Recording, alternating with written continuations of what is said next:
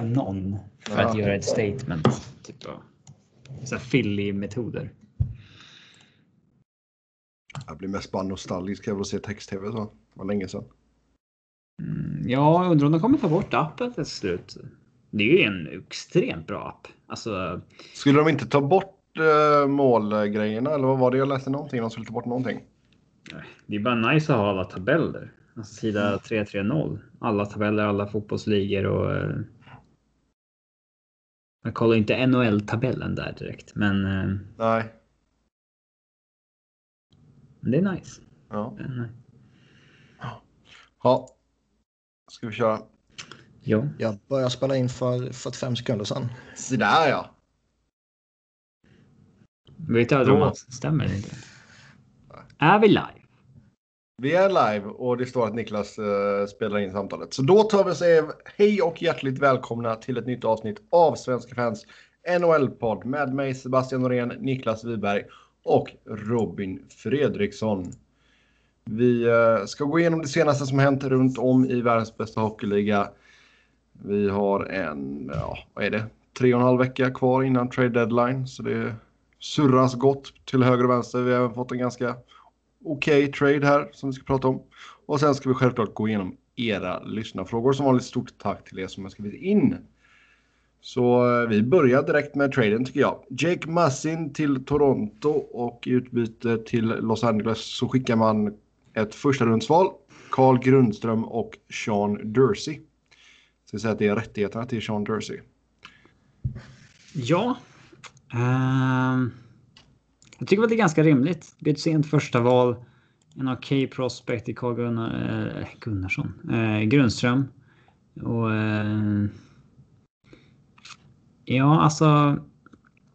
I, eh, I Kings, de skulle väl eventuellt kunna kalla upp honom nu liksom. Eh, Borde de inte till och med göra det? jo, Jag kan tycka att han borde få chansen, absolut. i alla fall testa på. Så De kanske känner att det inte är rätt för hans utveckling. eller Någonting. Då, då kan de skicka ner igen. Men eh, jag hade nog provat på. Eh, priset kändes väl ganska, ganska högt först för Massin. Men sen så inser man ju att han har ju ett år till på kontraktet. Så det, det blir ingen rental på det viset. Utan Nej, och det- snarare så att man typ nu kan behandla Gardner som en rental. Eh, och liksom ha ersatt Gardner för nästa år på samma pengar. Om det nu visar sig att man inte kan behålla honom. Vilket det lutar åt att man inte kan i och med att eh, de andra... kommer Ska han ha de pengarna som, Ja, som man kanske kan gissa sig till så blir det skitsvårt ju. Ja, nej, så då, då skjuter man fram det här problemet ett år samtidigt som man spetsar till rejält nu för slutspelet. Så att ja, jag gillar Karl Dubas jobb här. Ja, och Dubba sa väl också att han, han letade efter någon som hade term. Att han inte bara ville, ville ha in en rental. Så att få in Massin med ett år till på en väldigt överkomlig peng. Eh, hans capita ligger på 4 miljoner. Så det, är- det är ju riktigt bra jobbat kan jag tycka. Eh, sen att utbytet för Kings del, ja, första rundtalet var nog viktigt. Det är ju en ordentlig rebuild man ska in i, så det är plocka på i pix liksom. Grundström, som ni sa, jag tycker man ska ge honom chansen också. Eh, jag tycker han är mycket större offensiv uppsida än både Wagner och Clifford. Samtidigt som han har den här tuffa spelstilen som de uppskattar. Ehm, så vi får la se. Han har tränat med, han gjorde sin första träning med Ontario här idag. Så vi får se där, det kanske blir några matcher där först. Jag tycker väl lite att det... Eh, med tanke på att man får ändå anta idag tycker jag att eh, first rounden kommer vara en väldigt sen sådan. Ja, Bör man ändå vara lite, lite missnöjd över att det inte blev en ännu bättre prospect kan jag känna. Mm, Det är såklart subjektivt för vilka prospects som är bättre än andra.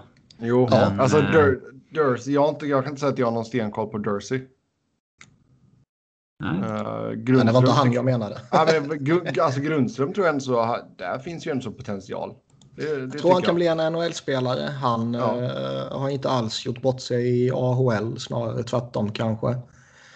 Eh, tittar man liknande åldersklasser eller åldersspann och sådär så är det sju spelare som gjort mer poäng än honom i AHL. Så det, det är inte ett pissutbyte man får direkt. Det är, utan solid prospect, en first rounder, alltid en first rounder. Mm. Eh, Men kanske liksom, han har ju term alltså. Det är ingen rental. Hade det varit rental hade jag varit toknöjd som Kings-fan här. Ja, men lite så. Men liksom, han har ju ett år kvar och liksom, han är fortfarande under 30 år. Och så, ja, Och ett väldigt, väldigt bra kontrakt också. mm. Ehm, så att ja, nej men visst. Jag, större eloge till Dubas än Blake i det här fallet. Men jag typ, Samtidigt ska väl Blake ha en liten klapp på axeln för att han inte fuckade upp. Vilket... Vilket Ja. Lombardi hade gjort. Nej, men han har ju inte riktigt glänst hittills. Nej. nej, nej visst, men eh, man får ju också lita på eh, att han säljer det högstbjudande här. Ja, Han oh, har ja. inte nobbat något bättre liksom. Nej. Han vet han aldrig i kanske- den jävla ligan. Fast visst, det är ju en sub- subjektiv bedömning av vilka prospects som är bättre än andra. De kanske gillade Grundström bättre än eh, liksom någon vassare som erbjuds från någon annan. Det vet man inte. Nej. Nej, så är det ju. Och Toronto är väl nöjda med att de slapp gav upp något från sin roster. Ja, Oh, ja. Oh. Vilket var vad man har läst lite här mot slutet nu så... behövde inte ge upp Liljegren eller någon, någon hetare heller. Nej, Sandin var de ju inte alls intresserade av ge upp heller liksom. Och och de ville inte släppa Kapanen eller något sånt där från, från sin roster heller. Nej. Vilket ju är logiskt med tanke på att det är ju inte helt befängt att påstå att det här är den sista gyllene superchansen för dem med tanke på entry level kontrakt och så vidare. det är kul. Prata om sista chansen. De blev ju nyss bra liksom. Ja, men, ja, men ni vet vad jag menar. Ja, Ja, absolut. men vi, De kommer vara en contender i många år. Men det är liksom nu man verkligen ska gå all in. Eh, vi kan säga att Grundström gick ju som eh, nummer 57 i andra rundan 2016 och Sean. Dursey gick som nummer 52 i andra rundan i eh, draften 2018. Ja, men det är ett första och två andra runds picks helt enkelt. Ja, På så vis. eh, vi kan säga Dursey högerfattad också, en högerfattad back. Ja, det är helt, helt fel. Det är ju inte helt... Eh... Alltså jag, jag gillar värvningen av Jake Massin. Jag tycker han är eh, en väldigt duktig back som har haft en bra säsong. Jag tror han kommer göra nytta för Toronto på väldigt många sätt. Men väldigt mycket snack har ju ändå handlat om att de vill ha en, en högerfattad back och vi vet att Babcock gillar det väldigt mycket sedan tidigare. Ja, nu kommer man tvingas sätta någon till höger som inte spelat höger tidigare. Ja, frågan är kommer man spela Massin och Riley tillsammans? Eller kommer man köra vidare med Riley och Hainsey och tycka att Hainsey är någon man vinner kuppen med i första backpar? Ja. Kan man vinna kuppen med Kimmo Timonen kan man vinna med Ron Hainsey. För fan. Ja. ja, men alltså. Jag tycker inte man kan slå fast att man kan, in, kan inte vinna om Hainsey. Alltså, Nej, givetvis. det, Men om man skapar sig lite bättre eller lite sämre förutsättningar, så kan man ju säga. ja. Den, den här traden gör de ju bättre än nu liksom. Så att, eh, Ja. det är de är bättre idag än igår på så vis. Ja, så att, eh, och sen jag är väl en förespråkare av att eh, bra spelare liksom figure it out att spela höger eller vänster liksom sådär. Det, Tycker jag också. det borde inte vara ett stort problem. Nej, det kan ta några matcher, men det är kanske är därför det är bra att göra den traden nu också och inte vänta hela vägen fram till deadline. Ja, alltså så är det så är det ju ofta tycker jag. Att man betalar dyrt vid deadline för något man hade kunnat fått billigare innan och fått ur fler matcher ur. Eh, Ibland har man inget val om man behöver vänta ut kappen. Ja, om det inte är av Ja. lönetagsskäl då såklart. ja. Men... Eh, ofta det är så dock, som jag sa. Att man Mm. liksom väntar onödigt länge. Typ att man kan ju betala typ ett tredjerumsval för en bottom six forward för att spetsa när du kunnat fått samma bottom six forward på eh, liksom för under miljonen under sommaren typ. ja. Eller Eh, på waivers två månader tidigare. Ja, Men... Eh, jag skulle säga något som jag redan har glömt vad fan det var.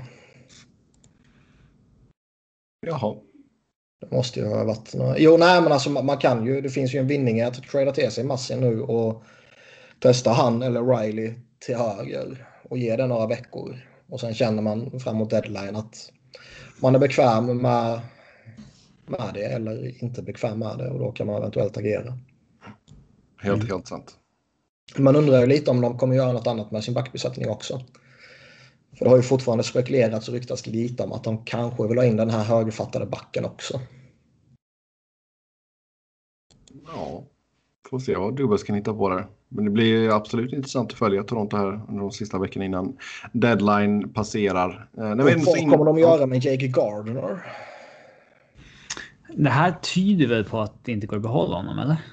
Ja, nej, jag, jag menar nu. Nu? Kommer man behandla honom som en egen rental eller kommer man... Det tolkar jag definitivt som. Ja, jag tänker med. på att flippa honom. Ja, flippa Flippa honom köpa. mot något annat. Flippa, kör bara. Ja, det skulle väl vara om du fick in den där högerfattade backen och Typ.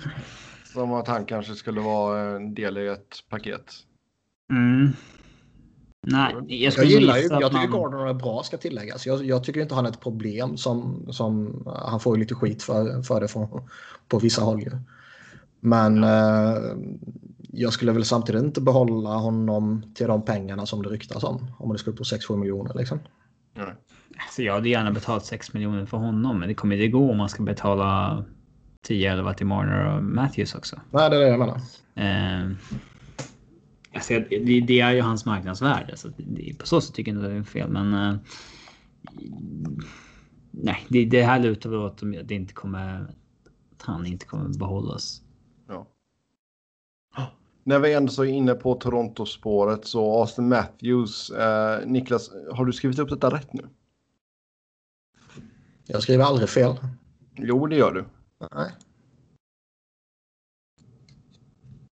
För det står i körschemat att Matthews tros få 12,5 till 13,5 om det blir en åttaårsförlängning eller 11 till 12 miljoner om det blir 56 år. Ja, det är det som eh, rapporteras. Okej, ja, det Det är. Bob McKenzie. Anklaga Ja. inte mig här för fara med lögner. Nej, jag ville bara dubbelkolla. Jag förstår dock inte riktigt logiken bakom det.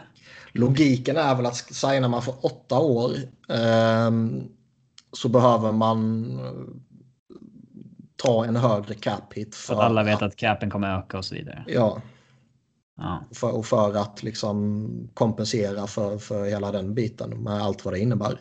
Mm.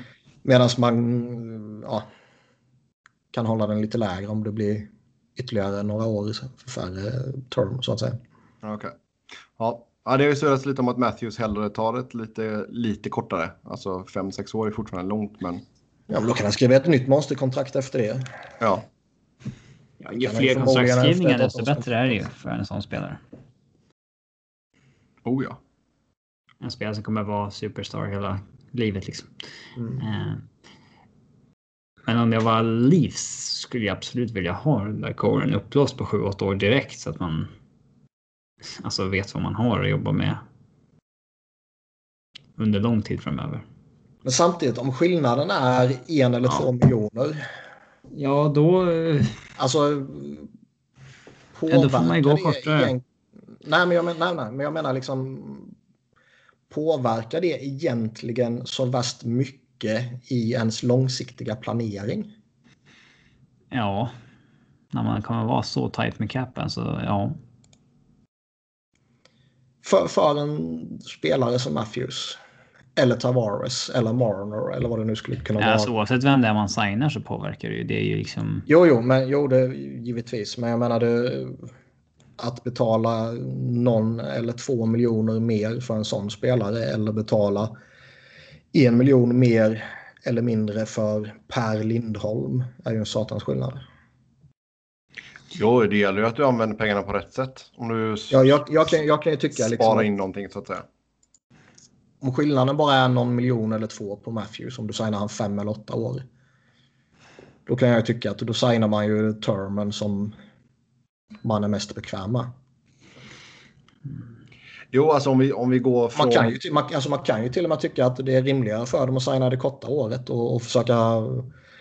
Säg det blir eh, 11, komma någonting liksom. Kan du få en på 11,5 på 6 år så... Då Ja, går, då för, går kontraktet ut samtidigt som Tavares och det är ju bra i så fall. ja. Och samtidigt så har man också en... eh, För liksom även om Toronto kommer vara en contender i många år så kommer det kanske inte vara i garanterat i sju år. Nej, det alltså, kan vad, nog vad, hänga ihop vad har vi för cykler nu? Skulle vi säga femårscykler? Ja, rimligtvis. Och det kan nog hänga ihop mycket med Tavares ålder och, och det här också. Men, Så det kanske inte är fel att försöka pressa ner priset eh, och, och ha de där miljonerna att spela på extra då de kommande åren. Nej. Nej, och sen det är ju... Det är ju en jobbig sits. Alltså det är ju lyxproblem också att ha så pass bra spelare såklart. Men att både Matthews och Marner ska ha nytt. Eh, samtidigt här. Mm. Så... Eh, ja, intressant. Sex år låter ju inte dumt om hans kontrakt då går ut samtidigt som Tavares. Man vill ju inte sitta i situationen av att det går ut. Alltså när Tavares har ett år kvar på 11. Nej. Så att samma situation som de är i nu med att Marlowe har ett år kvar på 6,25 och det fuckar upp rejält när de ska signa Marner och Matthews. Han kommer att skickas till Arizona eh, efter den där signingbonusen är betald. Får se. De vin, vinner de kuppen så känns det garanterat. Vinner de inte så är det väl mer tveksamt. Han måste ju gå med på det också. Jo, jo, men han vinner kuppen och han tackar nej till... Eh, vad blir det? 1,25 miljoner. Ja, men jag ser inte riktigt varför han skulle vara så jävla snäll och bara. Att han vinner kuppen och han får rida in i Ja. solnedgången med kuppen över axlarna. Ja, men han kanske fortfarande vill bo kvar i Toronto med familjen och spela hockey där. Ja, bor kvar och spelar eh, Bear League då. Ja, jag, jag ser inte riktigt varför Marlowe. Man vet ju inte, det spekulerades rätt tidigt att de hade någon form av eh, gentleman's agreement ju. Ja, kanske det. Mm. Sign- Sign-on-bonus där 3 miljoner det sista året och sen eh, lön då på 1,25 som Niklas sa. Så visst. Mm. Men absolut intressant att följa vad Dubas, eh, hur han, han sitter med miniräknar lite faktiskt. Det är alltid skojigt. Eh, på tal om kontrakt, Jordan Martinuk, tvåårsförlängning med Carolina, capita på 2 miljoner. Kul för honom. Välförtjänt, välförtjänt får man väl ändå så säga. Ja, det är väl en OK spelare lite längre ner sådär. Mm. Jag har ingen riktig uppfattning om honom, men eh, det är ju små pengar numera, två miljoner. Ja. Inte som när Pascal Dupuis tjänade två miljoner och spelade jämte Crosby och Malkin. Sen Alex Stalock, Minnesota, treårsförlängning 785 000. Tre år? Mm, vi har ju pratat lite om det, var det senaste förra avsnittet? Som vi snackade om eh, backuper och term. Man, kan man få en så etablerad målvakt som Stalock ändå? Eh, nu har jag en svag säsong just nu, men. Kan man få honom på tre år på under 800 000 då det, tycker jag det är bara att köra för oavsett vad så. Han kanske är en bra backup för NHL annars kan du bygga av de pengarna så att de inte märks i AHL. Och då, alltså. ser ingen eh, nedsida här riktigt för Minnesota. Nedsidan är väl att han är lite, lite gammal. Fel sida 30-årsstrecket och sådär. och tar väl upp en plats liksom. Så. Mm. Men eh, kan vi skitköpa ut i så fall snålbilligt. Eh, Jo. Ja, och sen som du säger, du kan alltid skicka ner honom, honom också. mm. Sen är det Det alltid, alltså, jag håller med i det Robin säger. Sen är man alltid lite sådär halvskeptisk till att signa upp en, en backup som inte är något speciellt egentligen till term. Mm. Men ska man göra det ska det ju Ska man pressa ner priset pengarna. så här så är det, ja. Inte någon som signar tre år på 1,6 eller någonting på sin Nej. och sen blir tjuriga när de har en medioker säsong. Mm. Sen en annan liten trade. Jamie Oleksiak tillbaka i Dallas. Uh, Fjärderumsval gick till Pittsburgh. Det intressanta med den traden är att det är samma fjärderumsval som har byttes dit mot. Det är som de senaste åren inte har existerat. Nej. Ja. De, eh, de reversar den helt. Undrar om det har hänt förut någon gång. Det har det väl säkert gjort. Men eh, ja. Och Lexiak. Eh, Alltså han kommer väl alltid vara attraktiv på något sätt eh, med tanke på hans storlek. Och han är väl OK att ha sådär. Det är ju ingen man vill bygga någonting på givetvis. Och, eh, även om han såg lite intressant ut när han draftades och sådär så är han ju någonting man begraver djupt ner i sin backbesättning. Men som sagt, den där storleken kommer alltid folk uppskatta. mm. Vad säger jag om Dallas backuppsättning just nu? Den är ju Hmm. inte jätterolig. De fick väl, eh, var det inte Dan Hanui som, eh, nej Mark Mathor. Vad dum jag är, han är i Nashville. Mathor eh, skadade säsongen ut. Ja. Den är jobbig. Ah, Så jävla överjävlig är han ju inte direkt. Nej då, men med, om du Men tittar ju- på vad som finns. Alltså jag menar Kling, Klingberg är ju bra. Eh, Hastingen har ju varit kalasbra också. Här har kommit in fint. Nej, men jag menar mer att liksom, ja, han försvann och de behöver peta in någon till. Ja. Sen har de ju några sådana där hyggliga, liksom Lindell, han är hygglig. Eh, Jag vet fan inte. kan Polak bara vara 32 år? Gammal 32-åring dock. ja. Ja. Verkligen. Kanske, kanske har fuskat med sitt pass. Ja, förmodligen. Han är, han är egentligen 37 liksom. Mm. Eh, ja, jag vill se om Dallas hittar på någonting mer här innan, innan deadline. Uh, Dale Weezy nedskickad till AHL. Ja, det var gött. Det är väl alltid anmärkningsvärt när de stora kontrakten sätts på waivers och skickas ner. Och även om allt är relativt så är hans kontrakt något sånär stort.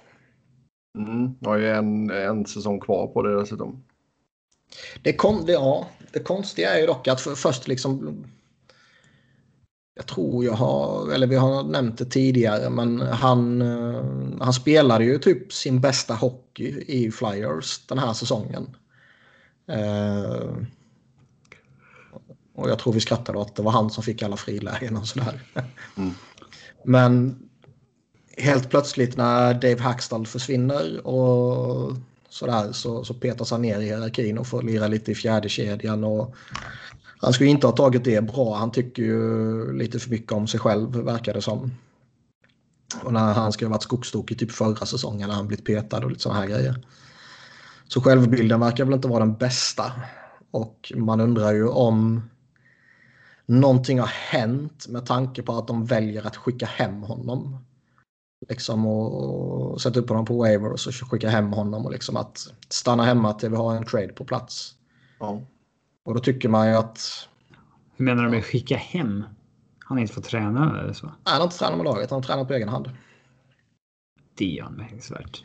Ja, vilket ju alltså antingen borde ju det indikera att man har en trade i princip klar. Det är några små detaljer bara och man vill inte att spelaren ska bli skadad och sådana där saker.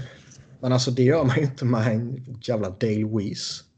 Nej, men om han går och lipar och... Jo, men tänk ifall han går och lipar till de andra i omklädningsrummet och sprider dålig stämning. Det är, skicka hem honom, det är väl lika bra. Ja, Men men, det är det man undrar. Nå- Något sånt måste ju ha hänt ju. Alltså, eller han ska ha fått någon... eh, Någon, någon eh, vad heter det, något utbrott liksom. Ja, för jag menar nu har, ändå- nu har Flyers ändå gått ganska bra. Fem raka segrar. Fan, Ja. pilla, pilla inte med den kemin då. Eh, skulle han vara något störande moment så då är det lika bra att plocka bort honom, absolut.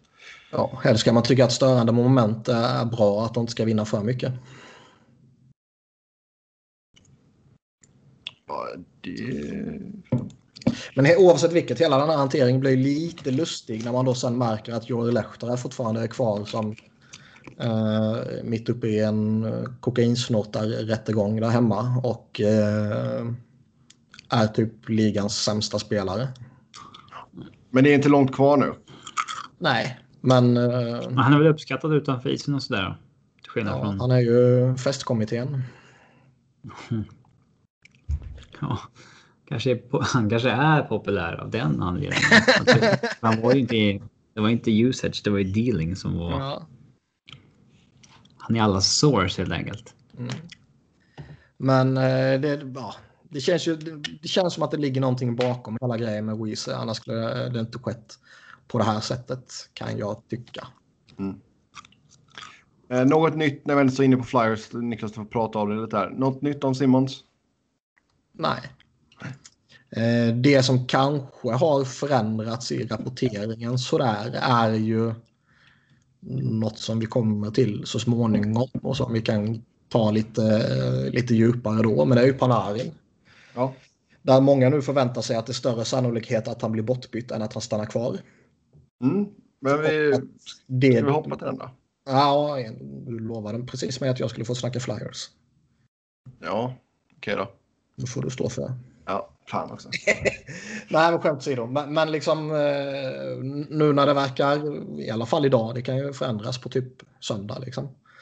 Men eh, så verkar det ju som att många lag kommer gå efter Panarin och eh, innan någonting händer där så kommer och kanske någon av de två åtta spelarna då liksom.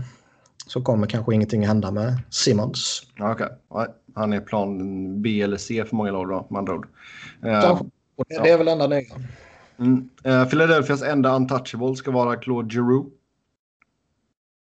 Står också med på schemat här. Eh, Ja, det kan ju innebära att han har en no movement-klausul om man inte har något att välja på. Eller så innebär det att man jobbar på alla fronter. Jag kan ju tycka att Carter Hart ska väl vara så nära untouchable man kan vara också. Om man inte kan få en ung färdig målvakt för honom. Så alltid när vi hör det här att antingen ingen är untouchable eller alla är untouchable utom en. Det känns ju som det, det leder ju aldrig till någonting. Alltså det är Nej, fast det här var ändå Fletcher som sa det mer eller mindre rätt ut. ja, inte rapporterat utan liksom det. Ja. Ja, och det. Sen kommer ju, jag tror det var Darren Drager som var ute och, och han kan man ju inte alltid lita på, men man kan lita på honom lite ju. Eh, han är connected i alla fall. Uh, även om han far med lite skit också.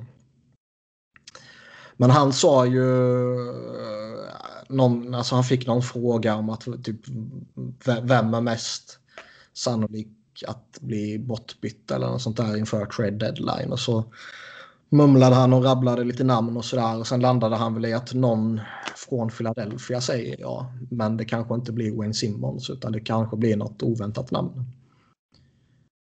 Och det kan ju gå lite i, i relation då till vad Fletcher ska ha sagt att i princip alla är tillgängliga.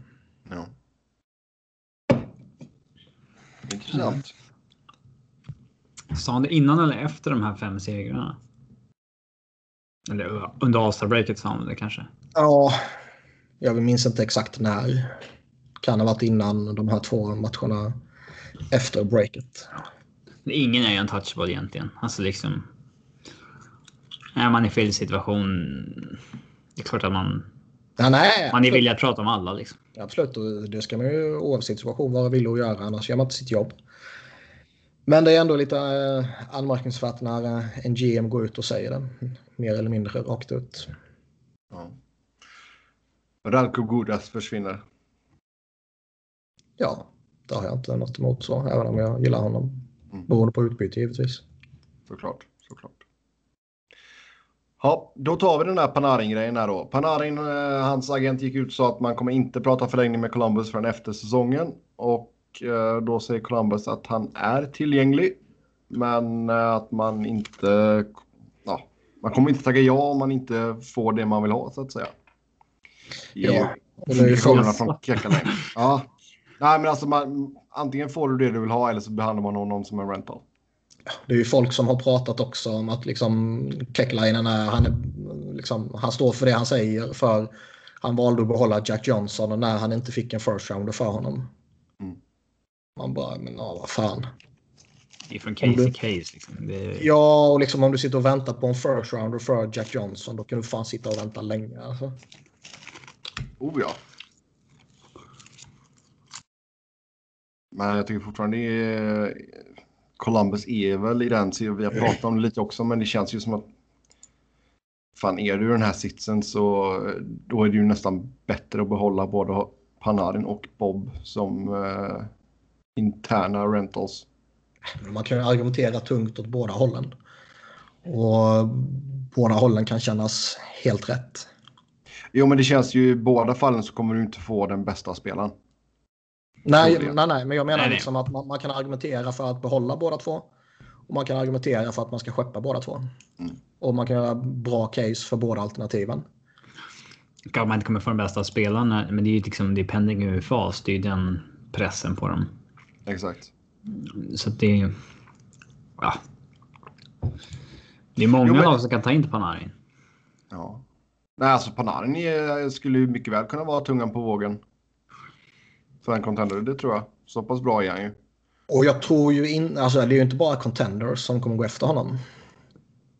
Nej, som som Kings kan absolut, alltså så här, om de får ett löfte om att han är villig att signa där, då kan de absolut tänka sig gå efter honom. Liksom. Mm. Ja. Ja, tack.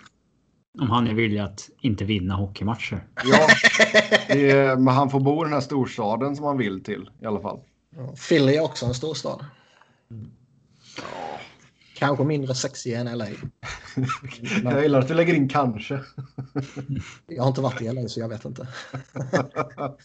Men eh, det kommer ju intressanta rapporter också här att, att Flyers ska ha varit väldigt nära en Panarin-trade i senaste draften. Mm. Mm. Vilket ju inte riktigt... Eh, men jag menar, vad skulle ni sätta för värde på en Panarin om vi går in på om man ska trada honom nu? Ja, men han är en av ligans bästa wingers ju. Ja.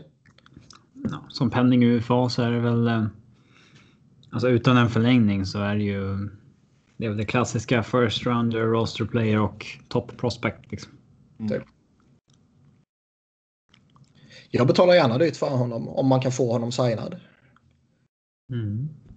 Jag skulle... Skulle Avs ge upp Ottawa-valet mot Panarin straight up om de fick en, en, eh, en kontraktsförlängning?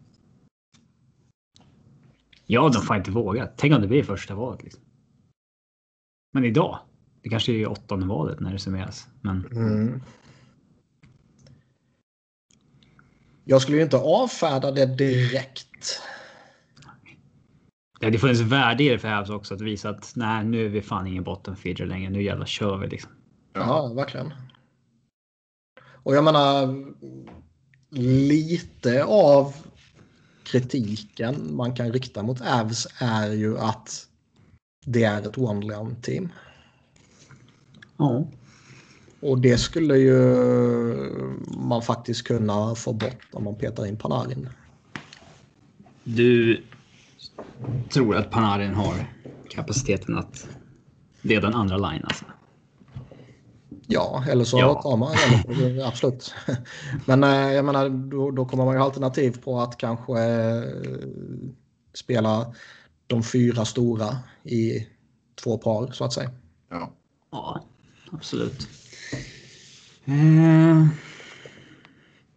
Men visst, en Jack Hughes och Nathan McKinnon som en one-two punch i tio år framöver är ju hyggligt. Det är helt okej det också. Ja. ja. Det är väl kanske inte den staden som Panarin vill till heller. Nej, det kanske inte är. Eller så är det där bara skitsnack. Han bara vill bort från uh, en tragisk organisation och en tragisk stad. Ja. kanske.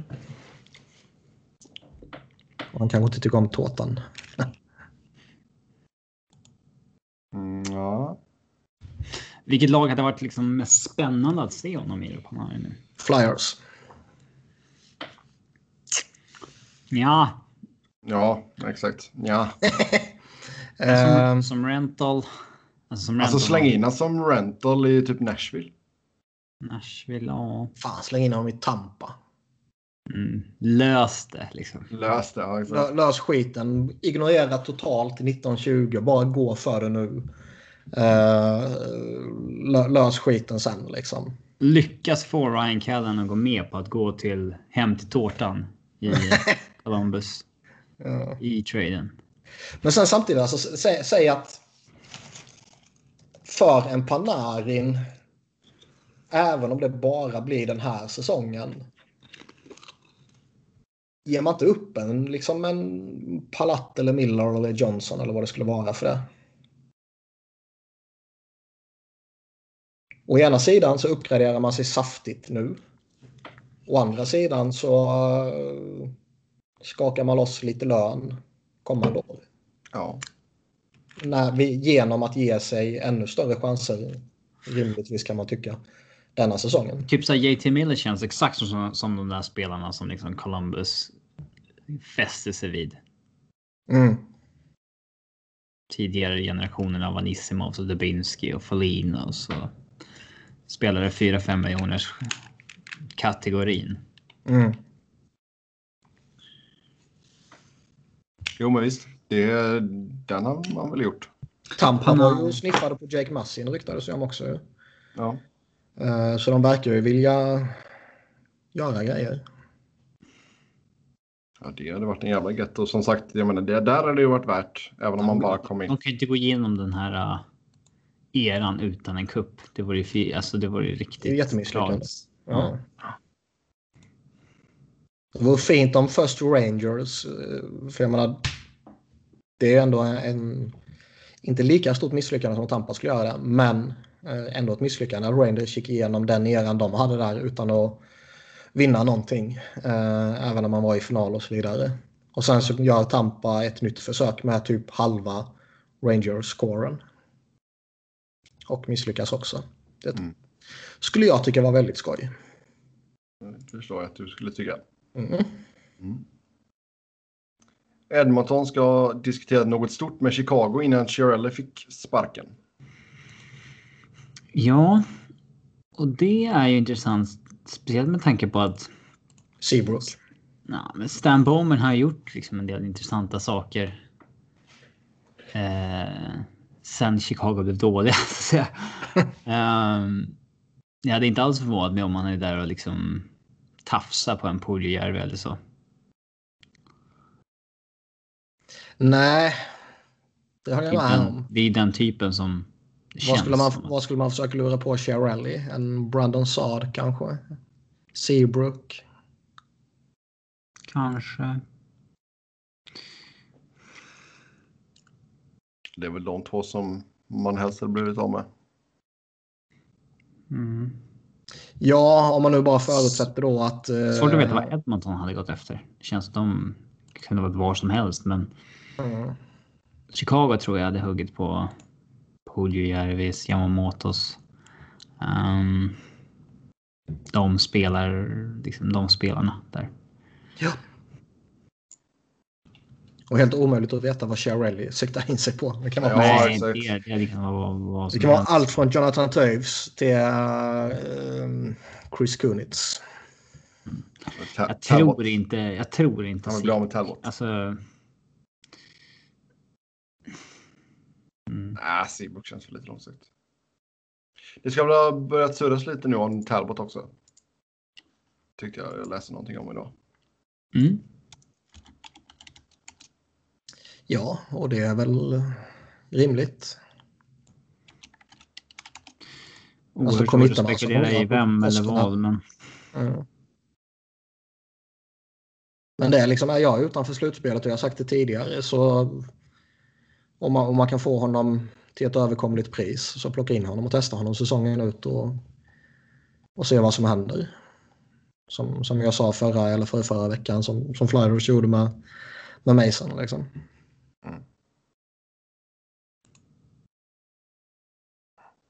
Är intressant. Yes. Eh, Ottawa ska vara redo att släppa Ceesay om de får samma utbyte som LA fick för Massin. Och det är jättemånga som tycker att ja, men det är fair. Alltså. Ja, jag såg det på insider trading också att det var så här. Nu sitter Ottawa och säger att varför ska vi inte få samma för Massin som de fick för Massin och det är liksom helt, helt olika. Till börjar med är det helt olika nivå på spelarna och. Ja. ja, det är en bra och en dålig. ja, det är en helt olika. Ja, åldern är ju inte alls samma och alltså. Nej, jag. Jag kan förstå att man försöker som Ottawa där, men. Alltså the League perception av Cody Ceesay måste ju vara bra mycket lägre än det är för Jake Mussin. Oh ja. Ja, å andra sidan så räcker det med en galen GM. Ja. Men det kommer de inte få. Nej, nej, jag tror inte det. Det tror jag verkligen inte. Jag tror att han kommer hänga kvar i Ottawa väldigt länge för de har en bild av honom som är skev. Mm. Jag tror inte de kommer få den. Jag tror inte de kommer få de pengarna för honom. Eller pengarna. De kommer inte få det priset för honom som de förväntar sig hela tiden. Ja, det är helt sant. Det blir inget alltså. Det blir inget. Uh, vi ska gå tillbaka till Edmonton lite snabbt också. Uh, vi fick något uh, här om att Edmonton diskuterade Ryan McDonough och fourth overall med Rangers innan de gjorde Hall Larsson-traden. Gå tillbaka lite i tiden. Rangers ska ju ha velat ha Keller då.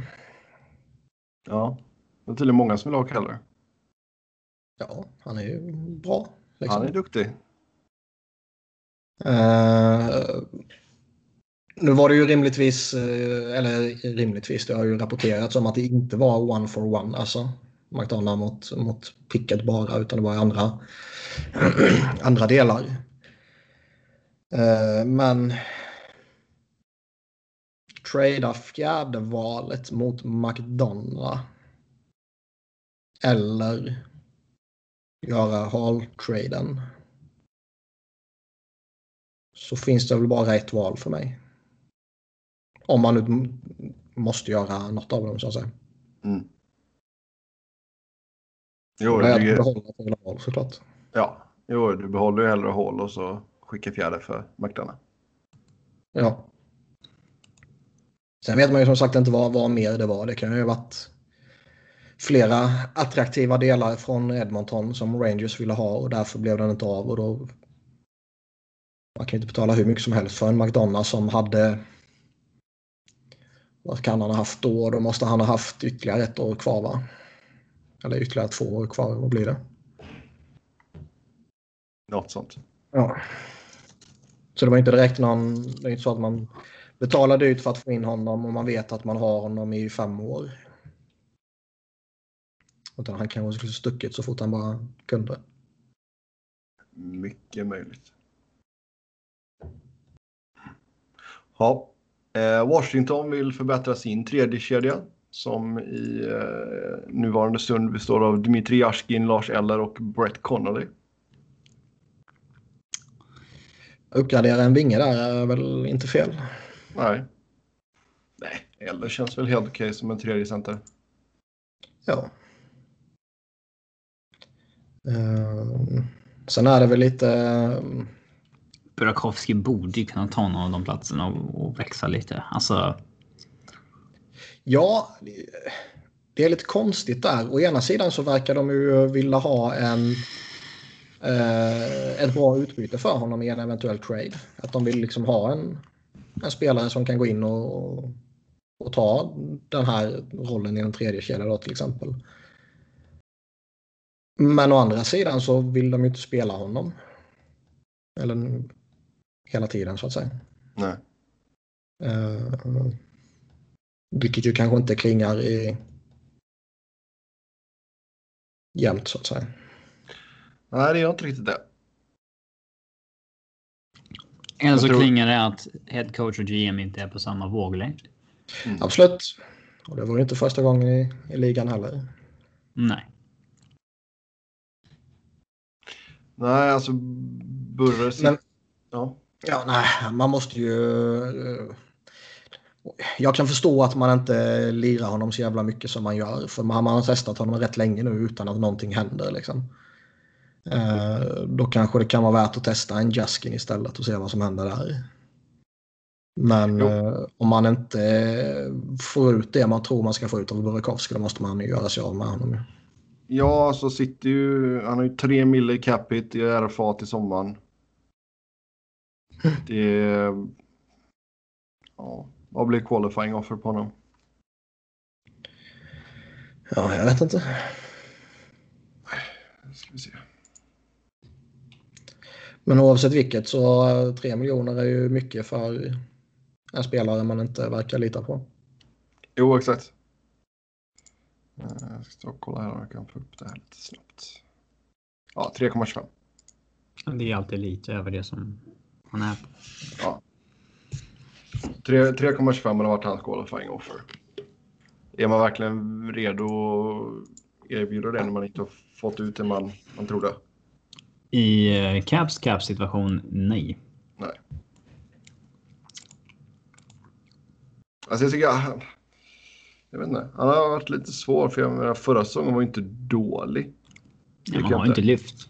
Nej, nej, man har väntat på det där riktiga. Han har varit lika bra i fem år känns det som. Dömpa honom.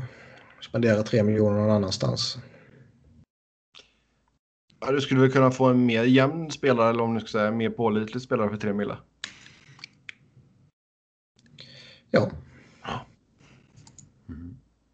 Sen Dallas. Där så sägs det att man shoppar Janmark, Niturskin och Richie.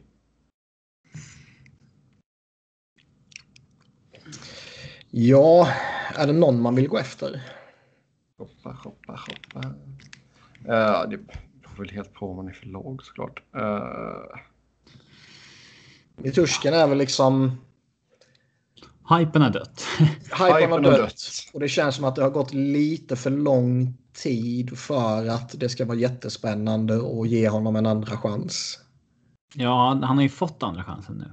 Jo, men jag menar, varit i tillbaka. jag menar i en ny organisation. Ja, men det är ju som att liksom, han har redan fått en andra chans eftersom han har varit i KHL och vänt och sen kommit tillbaks igen.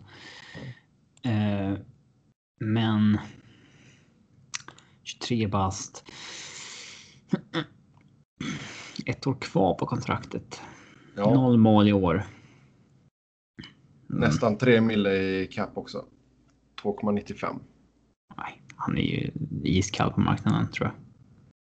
Ja, alltså hans pris där. Alltså vad skulle man ge upp där? Alltså jag tror eh, om de ger bort honom så kanske. Oj, det är klart de kan ge bort honom. Kanske. Jo, det kan de nog. Kanske. Du tar ju Niturskin för ett sjunde val om du är ett lag i, i en botten som har lite cap space liksom. Ja, kanske som sagt.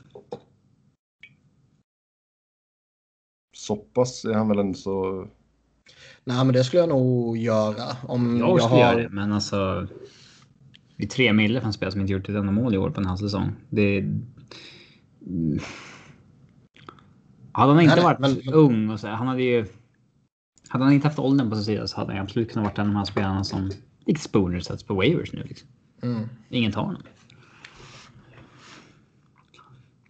Janmark ju märkligt. Han kommer tillbaka finfint efter att ha missat en hel säsong med knäskadan. Sen så är han oerhört kall i år igen. Efter att ha varit en jättebra VM-turnering och så vidare i fjol.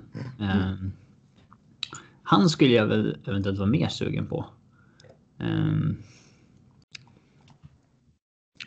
som köpare. Jo, han är ju definitivt mer proven än vad Niturskin är. Det är han ju. Eh, frågan där är ju bara ifall, ja, behövs det lite miljöombyte och så blir det kalas.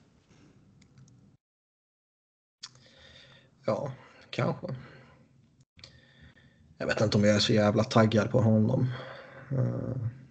Nej, men av de tre så känns ju han den som... Jo, jo, om någon sätter en mest pistol mot tinningen och säger välj en av dem så är det väl han ja. jag väljer, givetvis. Uh... Jag skulle nog välja han för en kula. Ja, jo, det har nog alla gjort. Men uh, ja, han har spelat mest med Blake Comeau, Jason Dickinson, Jason Spetsa och Radek Faxa. Några hyggliga spelare där ändå. Notera att hygglig inte nödvändigtvis innebär bra. Nej.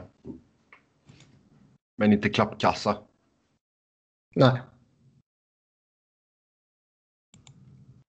Jag tycker hela, hela Dallas är lite så här halv, halvsvåra att få grepp på.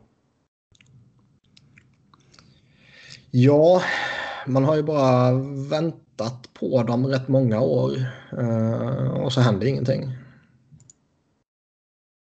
Och så missar de bara slutspel efter slutspel. Och allt är Sagan och Bens fel. Och så slänger deras ägare via deras CEO skit på sina två största stjärnor. Ja. uh, det är gött, det är underhållande, sånt gillar vi. Ja, vi får se det, men jag tycker inte de kan ju inte eh, förvänta sig något jätteutbyte för någon av de tre. Nej. Faktiskt. Sen vill vi säga någonting om All-Star-helgen. Uh, det går ju lite hand i hand med en av de andra punkterna här. Man ska införa puck-tracking till nästa säsong. Uh, ja, jag är inte tillräckligt insatt för att se fördelar och nackdelarna med just den typen av eh, liksom datasamling, om man ska kalla det. Men, det eh, intressanta är ju att spelarna inte verkar vilja tillåta att den här datan ska användas i förhandlingar. Okej. Okay. Liksom hur då? Om någon vet att någon spelare är den som, inte vet jag, åker mest skridskor i hela ligan. Det är svårt att inte... Det är som att säga att vi kan inte tillåta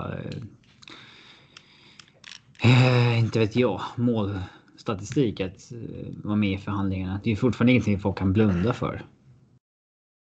Nej, jag, alltså jag håller ju med dig. Givetvis. Eller inte det går liksom inte bara att addera en viss typ av data från skallen när man sätter sig vid förhandlingsbordet. Nej, jag håller med dig. Men eh, det var ju det som sipprade ut. Mm. Nej, det känns lite konstigt. Men i alla fall. Så, alltså, de kommer ju väl använda den precis som alla andra om de har fina siffror så att säga. Mm.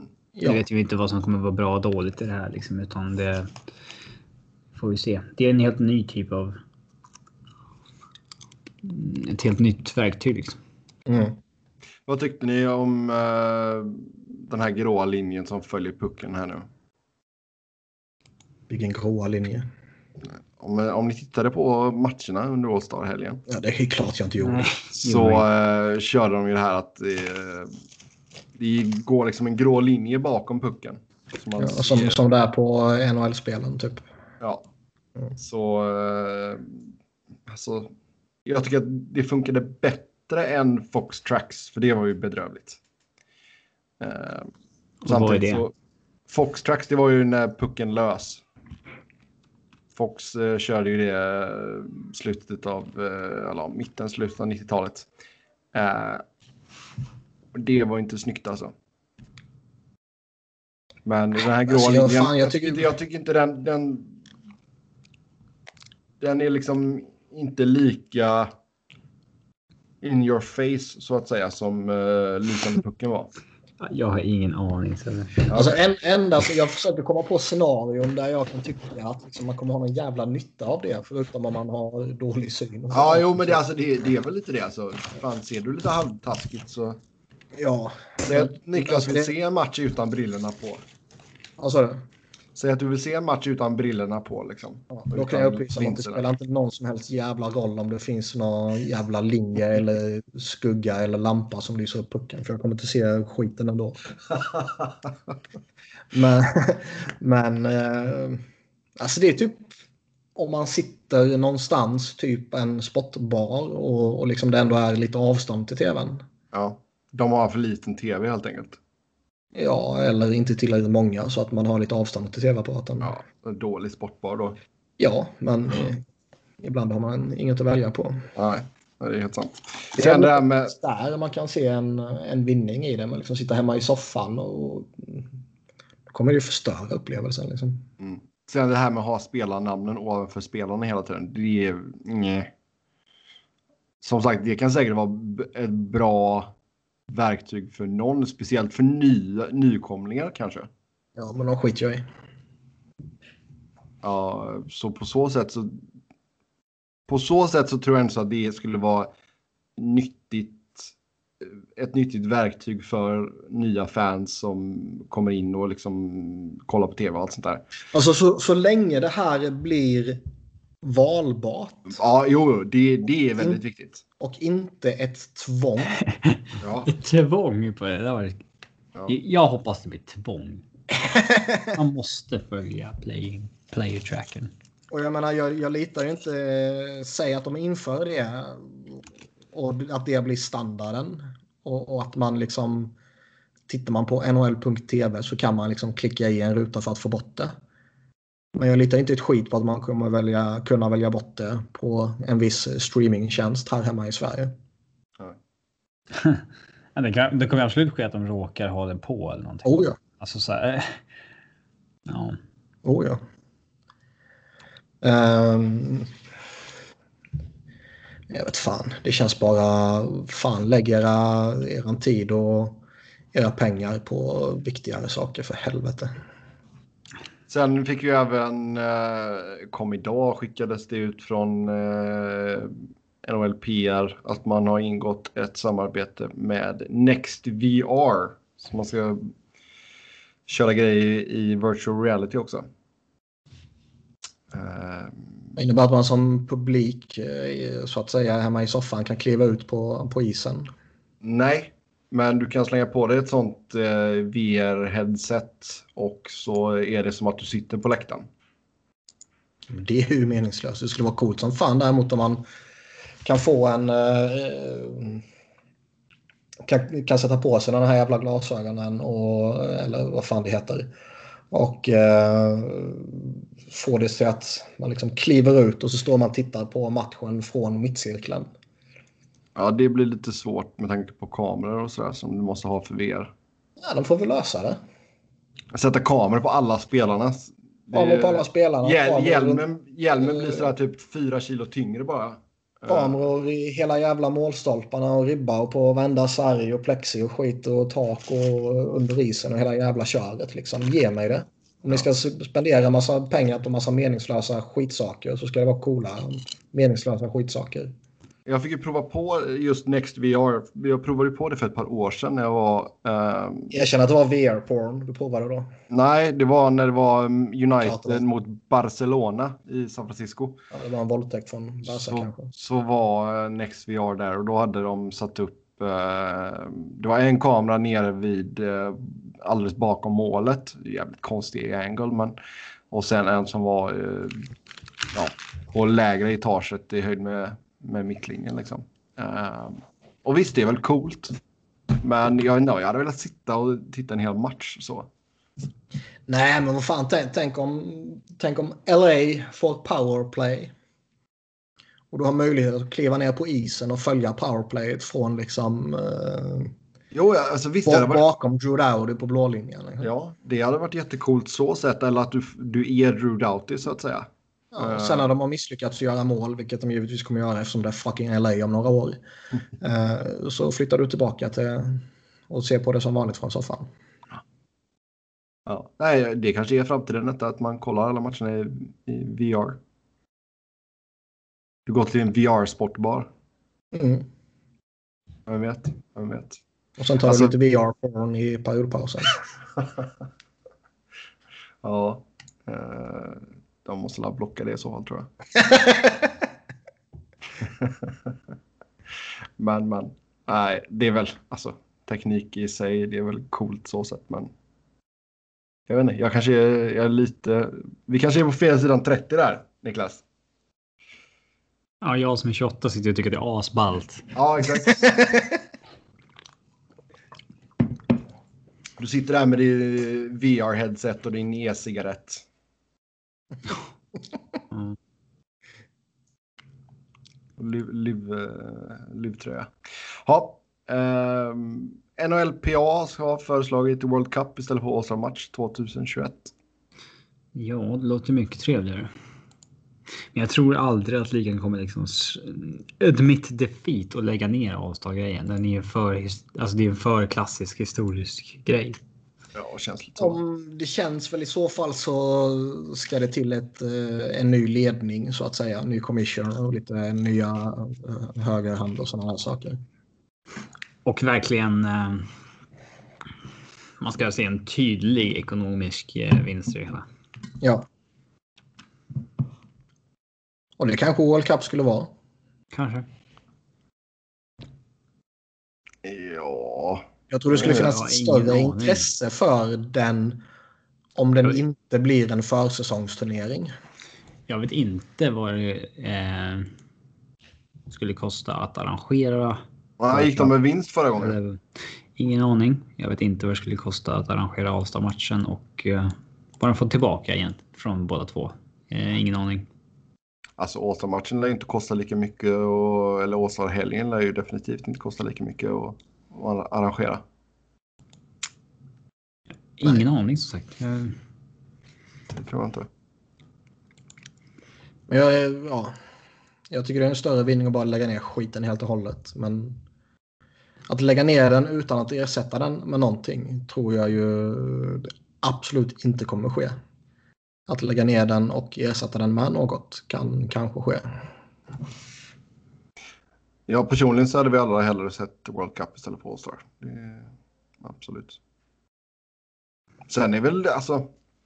Det är svårt Alltså att säga skulle man det, ändå? Jag tyckte senare World Cup var så jävla tråkigt. Jo, men alltså just om du lägger den så att den inte är en försäsongsturnering. Ja, kanske, kanske. Men Det är så samtidigt svårt att tagga igång på, på landslagen. Ja. Jo, jo, sen blir man förbannad ifall det är någon spelare i, i laget man håller på som går och blir skadad och allt sånt där. Mm. Ehm, Så visst, det finns ju alltid för och nackdelar. Sen vet du, alltså hur långt skulle man klämma in i World Cup på en vecka då också? Eller liksom,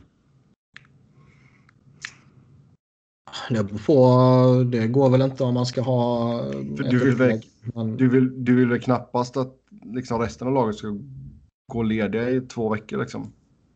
Nej, alltså vad man får göra är väl i så fall någon, någon mindre version av det. Typ sex nationer eller något sånt där. Ja. Mm. Det Ja. kanske man får ihop på något sätt. Kanske, kanske. Yes, då glider vi in på lyssnarfrågorna som var lite stort tack till er som har skrivit in. Eh, fortsätt diskutera ännu äldre trades som känns dåliga. ja, har ni tagit fram några? Nej. Eh, ska vi välja ett årtal? Du har ju ignorerat den i så många veckor nu så du får skylla dig själv om du inte är förberedd. Vi kan ju inte höfta fram någonting. Vad... Eh, Alla har vi snackat om. Liksom. Vad, nej, alltså det beror på. Man kan ju gå tillbaka till 40-talet. ja. Det kan vi göra. 2001.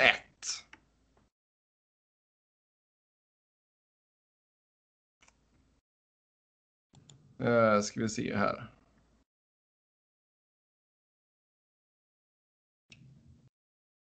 Capitals skickar Jan Bulli och Richard Sednick i utbyte mot Trevor Linden och Danny Subrus.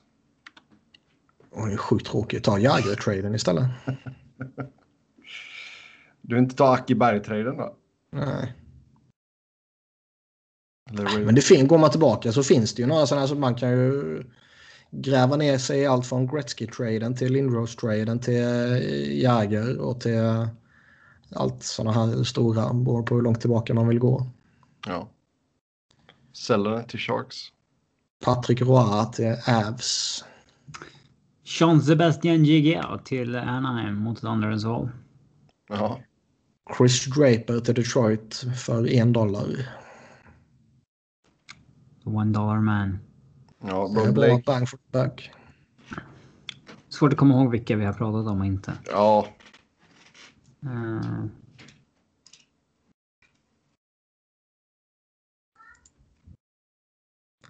Jag känner att ni var rätt dåliga på det här. Ja. ja, men vi har ju pratat. Vi har haft punkten typ två gånger. Det här var ju fortsätt prata om det. Jag kommer inte ihåg vilka vi har tagit.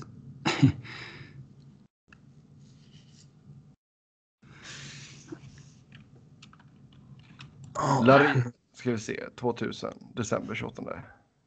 Red Wings acquire Igor Larionov. Florida Panthers acquire Jan Golubowski. Var det då de tradade tillbaka honom trots att han hade gått ifrån dem? Eller var det från Devils?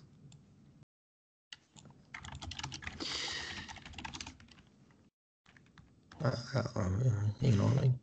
Men Larionov är ju intressant så tillvida att eh, hur bedömer man han som NHL-spelare? Ur trade-syftet eller? Nej, alltså typ hans storhet.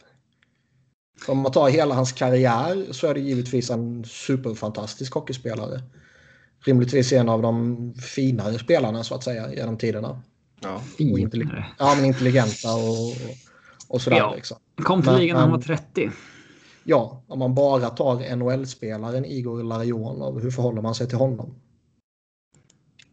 Ja du. Alltså han är mest känd för sina, sina matcher i Brunflo IK. Mm, Ja. Alltså den är sjuk. Ja. ehm, alltså Jag har ju synd. varit i lite diskussioner tidigare med, med folk när man ska liksom utse de bästa ryska spelarna i NHL genom tiderna och allt så här. Och Han hade inte ju inga- exempel. Han hade ju inga monstersäsonger i NHL. Nej. Han Sina var, han var i Red bra Wings, klass. men- Det är väldigt gammal ålder. Ja. Ja. Han går ju inte till Wings förrän han är liksom 36. Och lyckas få ut liksom... Eh, ja, spelar ju tills han var 40... 44 precis som Jagr. Mm. Um, ja. ja, just det. Han spelade fem säsonger i Red Wings. Sen går han till Florida som UFA på sommaren. Så tradar Wings tillbaka honom. Ja. Så han får spela i två och ett halvt år till.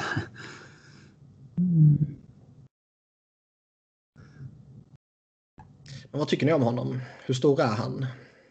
Alltså han är just... Det är häftigt Han är- att han, att han liksom lyckades med både eh, bägge delarna så att säga. Han lyckades vara med ur en Dynasty med liksom Wings. Plus att han lyckades vara med liksom ett helt decennium av Sovjets storhetstid. Mm. Och spela liksom på båda sidorna av millennieskiftet. Eh, Nej, jag tycker han är, han är jättestor. Alltså det är ju... Ja, men NHL-spelare nu, alltså inte, inte Larionov i helheten, utan NHL-spelaren Larionov. Hur, hur förhåller man sig till honom? Jag tycker det är ett intressant case. ja, vad ska man säga? Jag vill att ni ska sitta och hata på Igor Larionov. Nej, det är, han får kärlek. Riktigt Nej. bra, riktigt hög ålder. Det är riktigt imponerande. Ja, det är klart det. Sen är det ju synd att man kan, alltså att han... Men å andra sidan, känns Körde. det Ja. inte, eller det kanske inte mer, det är mer än en känsla i och för sig, men, men man var ju bättre if, alltså upp till högre ålder förr än vad man är idag. Oh ja. Mm. Så det Jager gör idag är ju en större bedrift än vad Larionov gjorde. Definitivt. Och som sagt, han har inte haft en enda... Ja, han gjorde en säsong där med eh, första i Detroit där han är eh, en bit över point per game. Eh, annars har han ju ingen sån jättefin säsong. Och lite, lite över point per game mitten på 90-talet. Hur förhåller man sig till det liksom? När Lemieux vann poängligan på 161 poäng. Jo.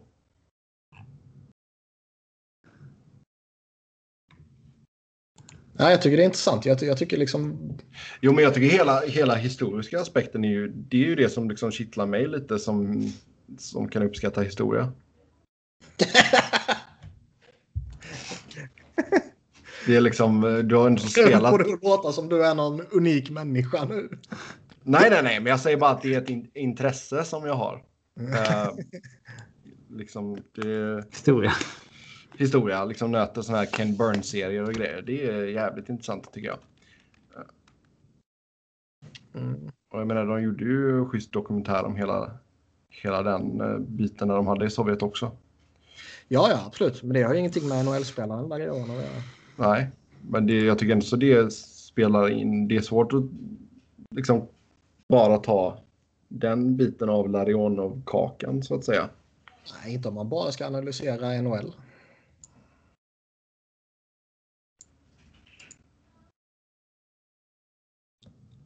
Alltså ska man diskutera Hall of Fame och grejer hela det här kören då ska man givetvis ta hela grejen. För där är ju, det är ju Hockey Hall of Fame, det är inte NHL Hall of Fame. Nej. Uh, men om man bara ska titta på NHL-spelarna Larionov så tycker jag det... Ja, men vad ska man säga? Ska man, sätta en, ska man sätta en siffra eller hur? Ja. ja men... En femma eller en åtta? Ja, jag vet inte. Nej, jag... Så jag säger inte att vi ska komma till någon lösning eller enas om någonting. Men... Det är precis som när vi pratade om, om um, kontraktsförhandlingar och uh, player tracking stats. Man kan ju inte bara tänka en spelares NHL-karriär om man ska säga historien. Det, det går ju inte. Nej. Man... Nej, jag håller inte med.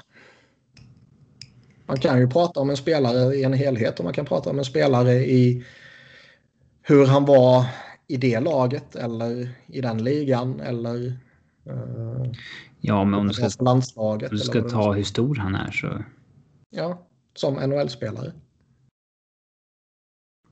Ja. Jag vet inte vad man ska helt säga. Öva, eh, vi får helt enkelt enas om att han är eh, en överskattad NHL-spelare. Kanske det.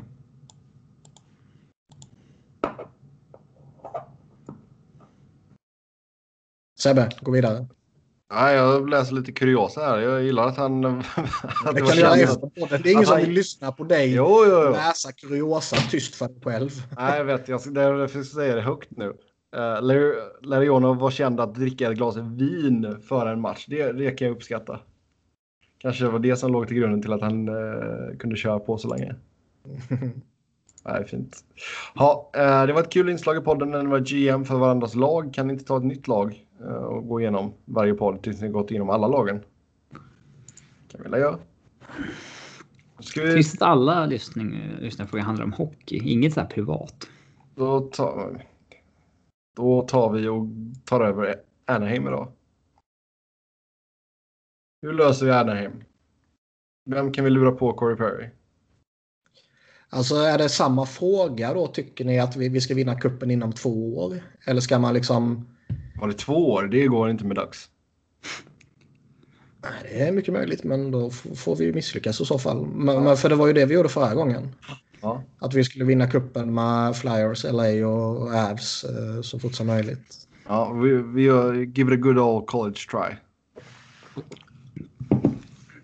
Man har det ju bra ställt på målvaktssidan. Där behöver man inte göra någonting ju. Nej. Försvaret. Möjligtvis fräscha upp liksom djupet.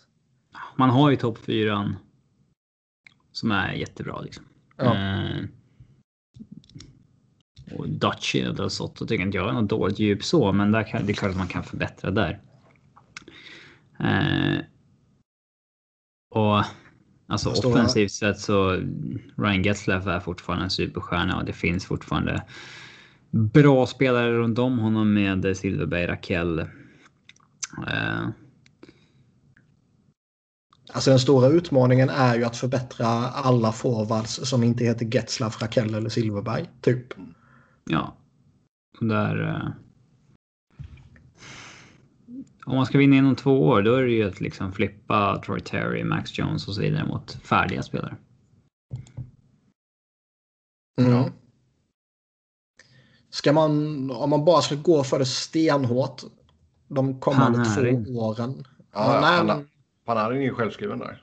Men, men, men ska, man, ska man behålla Perry och hoppas att han kortsiktigt bara kan lyckas pricka rätt i något jävla slutspel typ? Nej, det är kört. Eller är han 100% totalkörd och du ska skicka bort honom mot vilket, alltså ta på dig Bobby Ryan för honom eller vad fan det skulle kunna vara.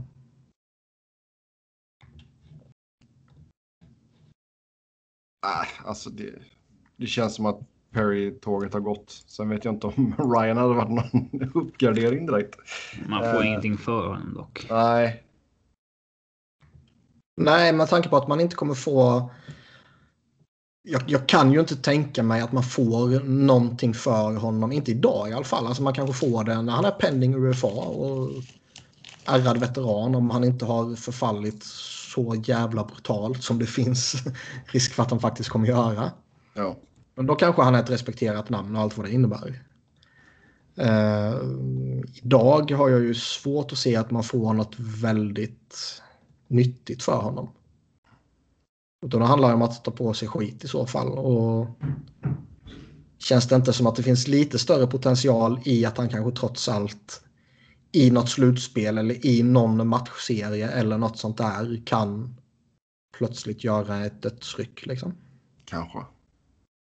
Jo, alltså, det är får ju- mycket att ju betala bort- för den möjligheten. Jo, Men- men det är ju det. Du får ju blunda för capen där.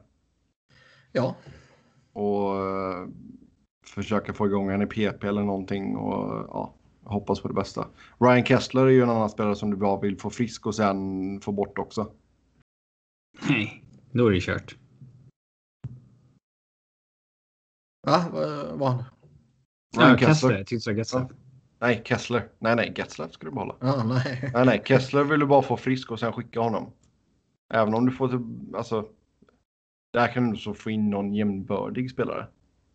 Så jävla bra är han inte längre. Nej, nej. Inte så jag argumenterar för det. Det är precis som du måste övertyga oss. Ja, nej, nej, nej. Inte är bra längre. Ehm, Nej, han har Perry handikappad i hela, Ja. hela dags. eller kan man... Kan man resonera så om Perry att man inte kommer få något vettigt utbyte utan då blir det bara skräp mot skräp? Det finns kanske en liten potential att Perry kan göra någonting i ett slutspel eller en matchserie eller något sånt där. Alltså, man kan ju resonera på något liknande kring Ryan Kessler. Men då är ju frågan, kan man resonera så om två så välbetalda spelare samtidigt? Nej, det känns som att det är, det är för mycket. Ska vi köpa ut någon jävel då? Låtsas att de inte har några klausuler och skit och grejer och sådär. Skulle du kunna köpa ut Perry så gör det. Visst. Eh, Om vi börjar med Kessler så kommer han, om vi köper ut honom den här sommaren, kosta en, två, tre, fyra, fem, sex år kommer det bli totalt och han kommer kosta 2,4, 2,4, 2,4, 2,2, 2,2 och 2,2. Det är nästan värt att köpa ut den jävlen alltså.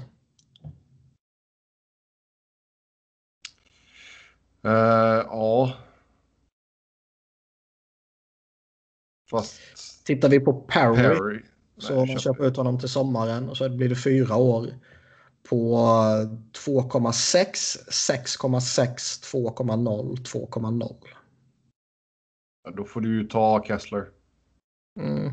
Om vi ska vara så kort. Ta den där, eh, alltså de två första åren så får Perry liksom 2,6 och sen 6,6. Ja, det är mycket. Det är lite väl saftigt. Ja. Medan Kessler bara ligger på eh, 2,4 i tre år och sen 2,2. Ja.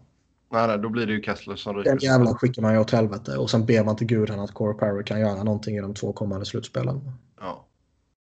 Typ Men här får du... vila Här honom under grundserien och vissa matcher och sådana där saker. Och...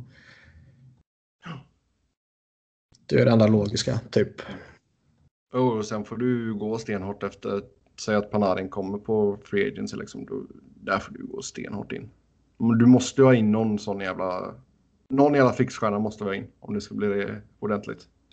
Hur attraktivt tror ni det är att- komma till en Panarin eller någon annan stor free agent för den delen? Och, och liksom sälja in att komma och spela med Getzlav som din center och Typ en Raquel eller Silverberg som din winger. Det är väl hyfsat intressant skulle jag väl ändå så säga. Det borde Alltså, i, pa I Panarins fall så har du ju ändå så liksom just det att han får, om vi nu tror på det här med att han vill bo i en ordentlig stad också. För eh, du har ändå så närheten till LA eh, och Orange County är riktigt fint. Han kan bo i Las Vegas. Det tar väl inte så lång tid att köra emellan. Jo, det är en bit. Han kan ha en helikopter. Ja, jag vet inte om jag skulle lita på helikoptrar i dagsläget. Vad är det för fel på helikoptrar? L lite väl mycket strul med helikoptrar tycker jag. Ja. Är det här för jävla skit du slänger ur dig? Har du någon siffror på det eller är det bara en känsla av att Nej, bara, bara en känsla jag har efter det som hände i Leicester och sen hade vi en helikopterkrasch här i Ohio i, om det var igår eller förrgår. Ja, men kraschar det fler helikoptrar nu än det gjorde för ett år sedan? Har Det vet jag inte. Siffror på det? Nej, det vet jag inte. vet jag inte. Ja. Men visst, nej, men det skulle väl kunna gå att sälja in. Absolut. Getzlaff har väl fortfarande så pass mycket dragkraft, tror jag. Mm, ja, någon jävla boost måste man ha. Ja.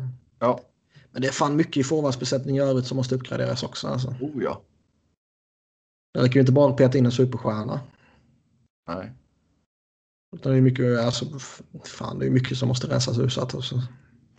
Men du har ju lite, alltså om vi bara tänker kortsiktigt här nu och kan ge fan i eh, det liksom lång, lång, eh, långsiktiga så fan då har du en så lite prospect som du kan. Alltså de har ju intressanta spelare på gång. Alltså de säger vad man vill om Isak Lundeströms JVM, men det är ju en solid prospect. Mm. Troy Terry är en jättebra pro- prospect. De har Max Jones som kan, kan bli spännande. Sam Steele är jätteintressant. Maxime Comtois är ju en bra snubbe. Ja, Eller bra spelare. jo. Så jag menar, det, fin- det finns ju prospects som man å ena sidan både kan kanske vänta in. För några av dem tror jag kan göra impact på inom relativt kort tid. Och man kan också trada dem såklart. Ja. Ja, det var Anaheim det.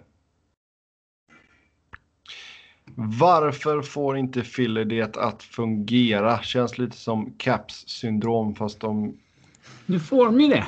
inte kom vidare från andra rundan. Men nu...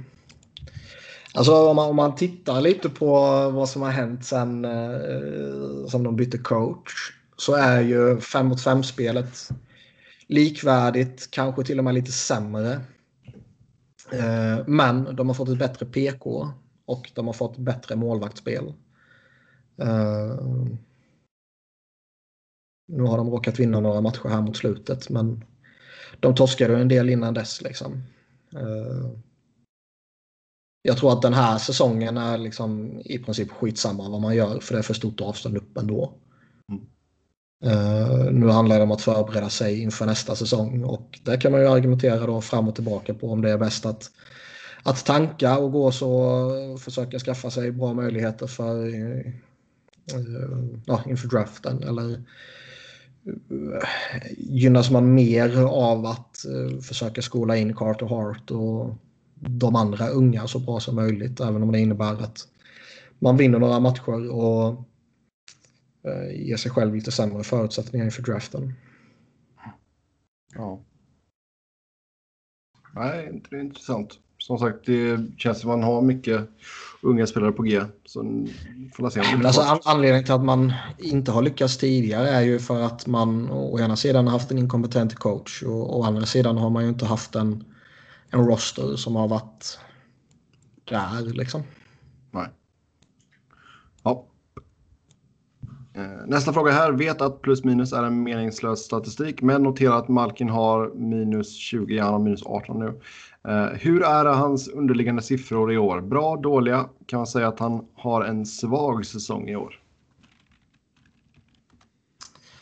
Eh, vad har vi Malkin? Han har bara gjort sju mål i fem mot fem. Det är Brian Rust, Jake Gintzel, Patrik Hörnqvist, Phil Kessel och Sidney Crosby bättre. Och det är lika många som Tanner Pearson. Bara där kan man ju hänga Malkin. Mm. Å andra sidan har han gjort 31 poäng. Han för shooting percentage 25 mot 5? Måste vara låg. Uh, 8,5. Jag tror att hans career high är något högre. ja. Uh, en svag säsong. Uh, ja, Så Cork, tittar man på lite Corks så är det 50,15 relativt 1,12. Så det är ju inte... Det är inte fantastiskt, men det är ju inte dåligt. Liksom. nej. Alltså, han ligger ju- Ja, det kan vara lite bättre såklart. Han ligger en bit över point per game. Som han ofta gör. Det går Ja. inte att klaga på. På helheten. Nej, det är att hans målskytte har haft lite oflyt med. Annars hade han väl legat en bra bit över point per game som vanligt. Eh, Men både han och Crosby är ju på fel sida 30. Så du borde ju börja se form av... eh, Malkin har ju dessutom haft lite småskador genom åren. Här och där. Mm, Crosby har väl sina stora skador i skallen men eh, i övrigt fräsch. Men eh, det är klart att... Nej, alltså jag... Jag hade inte oroat mig för Penguins toppduo. Nej. Japp. Eh, nästa fråga här. Är Landeskog en produkt av McKinnon och Rantanen? Hade McKay och Rant klarat sig lika bra utan Gabbe? Vad klassar man honom som i detta nu då han är on pace för att göra cirka 50 mål den här säsongen? Elit? Frågetecken. Ja, jag kommer ihåg att jag för några månader sedan försökte påpeka att Rantanen inte var en produkt av McKinnon i alla fall. Och det verkar som att eh, det meddelandet verkar hockeyvärlden ha tagit till sig. eh, nej, men det, det känns som att det är ändå... Rantanens individuella storhet verkar ju ha liksom etablerats mer Ja. än eh, det hade i början på säsongen. Eh, Eh,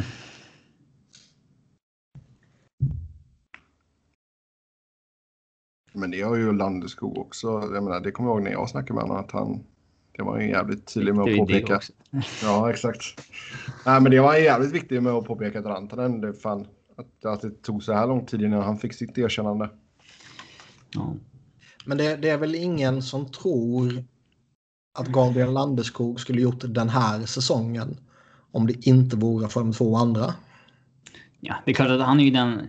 Han är tredje hjulet offensivt sett. Det Ja. är inget snack om den saken. Men det är oerhört bra för den kedjan att ha en... eh, Ska man ha en kedja som spelar 23-24 minuter per match. Det är oerhört bra för den kedjan att ha en så extremt stark tvåvägsspelare som Gabriel där. Mm. Eh, sen att han Absolut. hänger med offensivt också, det är ju imponerande. Han har ju 29 mål på 50 matcher utan att ha en överjävlig skottprocent. Den ligger på 18 eller något sådär tror jag. Ja, 17,7. Ja, och det är ju inte liksom så extremt som det bara kanske borde vara om han är on pace för 50 baljer. Nej. Så att... Eh, nej, jag tycker inte att han är... Eh, Det är ju, jag menar på så sätt, det är ju imponerande också det McKinnon gör. Jag menar, hans skottprocent är 12,4. mm. Jajamän. Så- Nej, alltså det, hela den kedjan har varit Det kalasbra. är, ju- verkligen. det är ju klart han är en produkt av de två. Man kan ju inte säga något annat. Däremot så finns det ju... Man kan vara olika stor produkt. Jo, ja. Absolut. Jo, men Det är klart att han är en jätteduktig spelare i övrigt. Liksom. Och den där eh, 33 poängssäsongen han hade för något år sedan. Det var ju bara en... Ja, det är svårt att ta Ja. någonting som hände den säsongen på allvar. Liksom. Ja. I Övs... Söderberg hade väl typ så här 12 poäng också. Mm. Och han har ju varit jättebra före och efter det. Liksom. Ja. det Ja. Men det, det är klart att... Alltså, Landeskog gör ju inte det här om han inte spelar med de två. Det tror jag alla är med på. Jo, absolut. Sen Men innebär inte det att han kommer göra sju mål och 12 assist om han inte spelar med dem. Nej. Men sen är jag ju inte helt så, liksom, såld på att ja, Vem, vem var det de satte upp när de flyttade ner Landeskog? Var det Comfer? Jag tror att det var Nieto. Nieto, ja. Nieto hade ju inte haft de siffrorna ifall han hade spelat med Rantanen och McKinnon hela säsongen. Det tror jag inte. Nej, nej. Eh, Landeskog är en bättre spelare. Säg om man spred ut alla tre. Då tror jag att eh, Landeskog är den vars poängskörd hade sjunkit mest. Men förmodligen då också på grund av att hans kedja hade fått de tuffaste minuterna. Mm. Eh, han har ju aldrig riktigt spelat i superdålig omgivning, Landeskog, utan det har ofta varit... Eh, han spelat en säsong med O'Reilly, han har spelat en med Stasny, han har spelat någon med Duchene. Alltid haft eh, bra sällskap så att säga. Eh, men visst, det är klart, alltså alla de tre hjälps ju av att spela med varandra. Deras Oh ja. poängskörd liksom. Men eh, ska, vi, ska vi se honom som en elitmålskytt? Ja. Eh, där tror jag att det kan vara lite one hit wonder kanske. Man har ju bevisat att han är en stabil 25-årsskytt liksom. Ja. Och det... Ska man vara en elitmålskytt så behöver man göra det mer än ett år innan man ska få det Mm. Men det, är- det, är- liksom. det är anmärkningsvärt att han ligger på 29 mål på 50 matcher utan att ha en Oh ja. särskilt anmärkningsvärd eh, skottprocent. Framförallt så tror jag att han har typ så här 14 eller 15 mål på, på styrning, vilket är helt, eh, helt sjukt. Ja. Sista frågan här för idag. Bygg en femma med de sämsta spelarna i ligan just nu. Strunta i cap hit, utan det enda kriteriet är att de spelar regelbundet. Oh. Ska vi ta ut en målvakt också eller? Hur uh, regelbundet? Vi får väl sätta någon form av... Att gå in på ska- nhl.com. Vi sätter gränsen på 27 matcher. Ja, det är inte regelbundet. Vi har spelat fem Nej, matcher. vi säger 30 får vi väl säga. Eller 30... Det var ju stor skillnad. 30 ja, okej. 35 då. Jag vill ju bara få med Jari Lehter. Ju. 35 och... Eh, istid. Ska man ha någon limit där eller? Nej.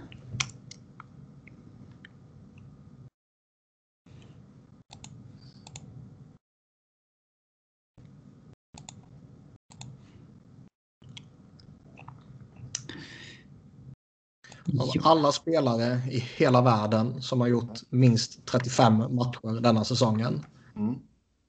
så är Oscar Fantenberg sämst i hela världen. Va? Nej. Ja, han har minst poäng. Ja, tillsammans Greg, med Greg Patrin. Ja, Greg Patrin har ju spelat fler matcher. Han har spelat Men det är ju 14 roligare att säga Han har spelat Fantenberg. 14 fler matcher. Det är så mycket roligare att säga Fantenberg av så många fler anledningar som jag vet och förstår. Ja, Det det är helt sjukt att Dion Phaneuf Dion har Phaneuf. Ja. och två assist. Ja. Han, måste, han, han är ju... Han ska ju in där. Även om man ska ignorera kappen så är det liksom ändå en, Ja, en status och ett namn. Och, och sådär liksom. Det, frågan var ju skit i historik och så vidare. Utan det var ju... Vilka är var det historik också? Jaha, jag det som kapp. Ja, och bara cap. Det var det enda som jag hade. right. Men då... Nej, men han är ju inte sämsta backen i ligan. Tycker du inte det? Om man blandar in liksom historia och sånt där. Tycker du inte han ska nämnas då? Det handlar väl inte om de största besvikelserna eller liksom de största... Nej, Han har ju varit klappkass. Ja, jag... Men frågan var väl ställd på på ett sätt som det var vilka är sämst i ligan, skit i cap och så vidare. Utan Jo, men är sämst just, sämst? sämst just nu. Dion Phaneuf är nog en av de sämsta just nu. Det tror inte jag. Nej, jag kan väl förstå vad Robin säger. Eh, Det är ju bara enas om hur vi vill göra. Jag, jag kan gå på Robins linje. Okej. Då säger jag Brandon Manning.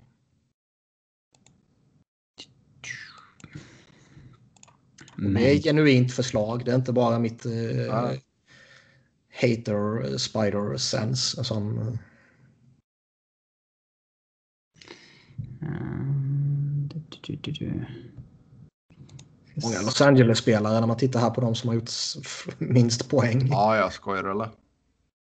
Titta, sämst relativt Corsi och så vidare. Alltså Ja, Vladimir Sobotka ligger ju otroligt illa till. Han har ju dessutom en fruktansvärd usel poängproduktion. Um, tre mål och sju assist på 47 matcher. Från att ha varit en användbar spelare i, eh, i, eh, i, i Blues. Mm. Får, ska vi, finns- vill du ha med målvakt eller inte? Ja, du kan ta Henke om du vill. Nej. Men då får vi väl sätta en annan matchgräns va? Ja, det är klart. Men ta bara någon pissig målvakt då. Vi tar 20 matcher. Sämst save percentage 5 on 5 eh, med en stor andel matcher spelade är Martin Jones. Ja,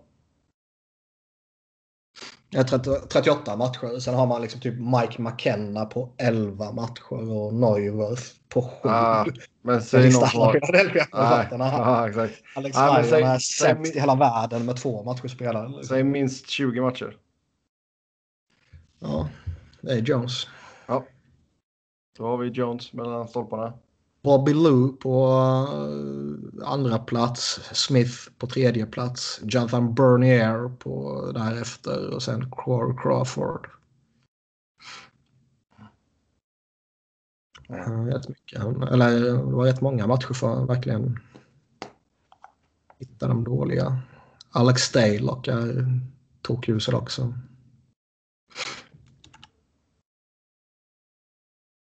Ja, Staylock. Vi kör Staylock i och med att han Sämst delta save percentage har Edward Pascual, Tampa Bay, men en match bara. Alex Lyon två matcher.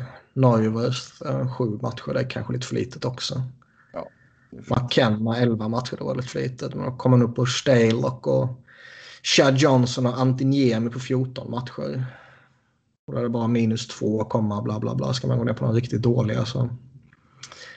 Alex Lyon minus 15,36. Men eh, Staylock då? Eh, backpar. Backar, vad ska vi gå på?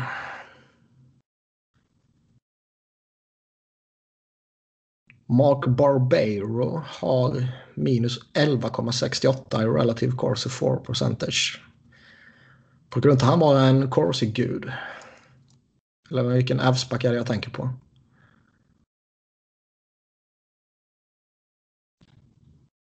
Vad satte vi nu? Satt, satte vi 35 matcher? Har Robin somnat? Kanske. Ja, jag hade mutat uh, micken.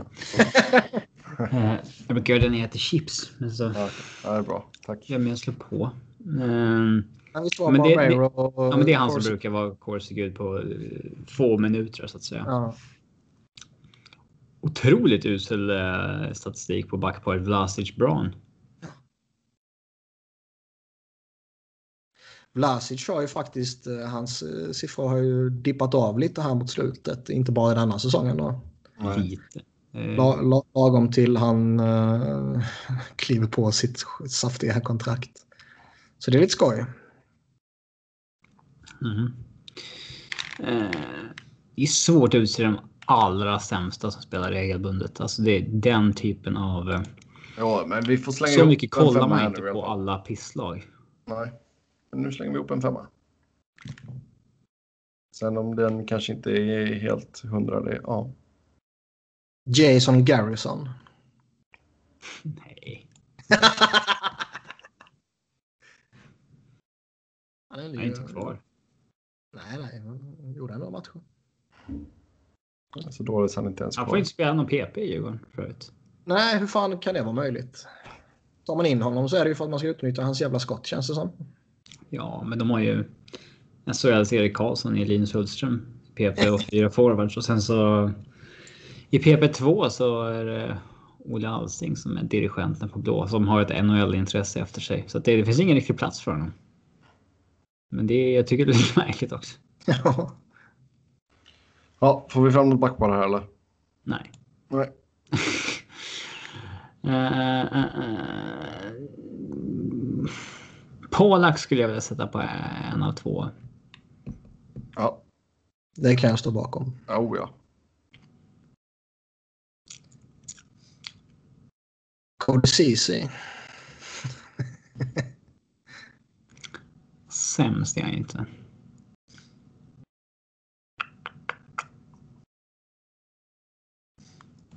Det är fan svårt det här utan att involvera kapp och grejer. Ja. Det finns ju de som är riktigt usla. Jag kommer ihåg när Avs hade liksom Nate Ginnon från AHL en säsong. Ja. Eh, och det är så här. Håller man inte på Avs så har man ingen koll på honom liksom. Nej. Eh,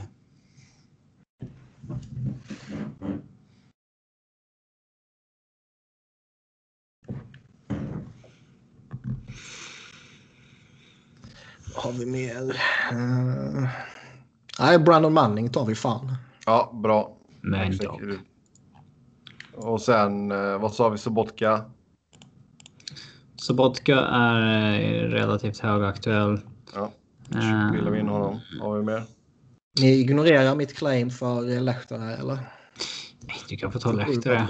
Ja, vi kan inte ta honom.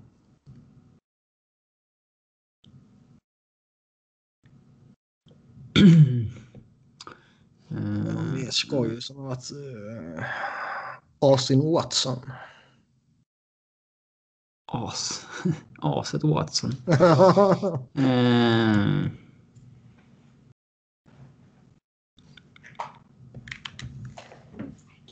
Gabriel Bork har pistsiffror. mm. ja, han är sådär som... Eh, han är Avs-fansens hackkyckling. Men jag, jag känner sådär liksom att... Eh, om hackkycklingen är en spelare som inte är ordinarie utan spelar ibland. Då är då är det rätt sådär. Det är rätt skönt. Det är inte som när man hade en fjärde line med tre spelare som alla, allihop var sämre än honom för några år sedan. Mm. Eh, Cody McLeod. ja, han är ju knappt en hockeyspelare. Okej, bra. Då Fan, Blake. Como har haft det trögt i Dallas säger jag här. Fem mål, tre ass på 49 matcher. Det är... Det är inte bra. Ja, med det då så tar vi och säger tack och hej för den här gången. Som vanligt så går det bra att Vem har köpa med oss. sämst points Ja, men, top 60 i ligan? Ingen aning. Forwards. Vem? Och då räknar jag inte de som har noll såklart. Nej. Vem? Cody McLeod. Det där ja. Ja, Han har spelat det- fyra matcher. Hur fan är det möjligt? Ett mål. det är dåligt. Yes. Minus 9,50 i relative corsi for percentage. 38, komma någonting i. Goals Tar man... Eh, percentage på 25. total points per 60 på natural stat trick mi- minst 500 minuter spelade så är Ryan Kessler sämsta forward. Känns ju också fair. Med eh, Magnus Päijärvi Hackehäl. Uh. Vet du vem hans farsa är Sebbe? ja, det vet jag nu. Det vet jag nu. Ja, med det så tar vi och säger tack och hej för den här gången. Du måste kunna dra ut med med det på något mer. Han bara Nej. 1,43 hittills. Ja, det blir kort idag. Vill ni köta ihop med oss så går det bra via Twitter. Mig hittar ni på att Noren, Niklas på att Niklas nu. Niklas med C och Viberg med enkel V. Inget enkel-C. Inget enkelt C, nej. Trött förra gången. Och Robin hittar ni på R underscore Fredriksson. Tills nästa gång, ha det gött! Hej!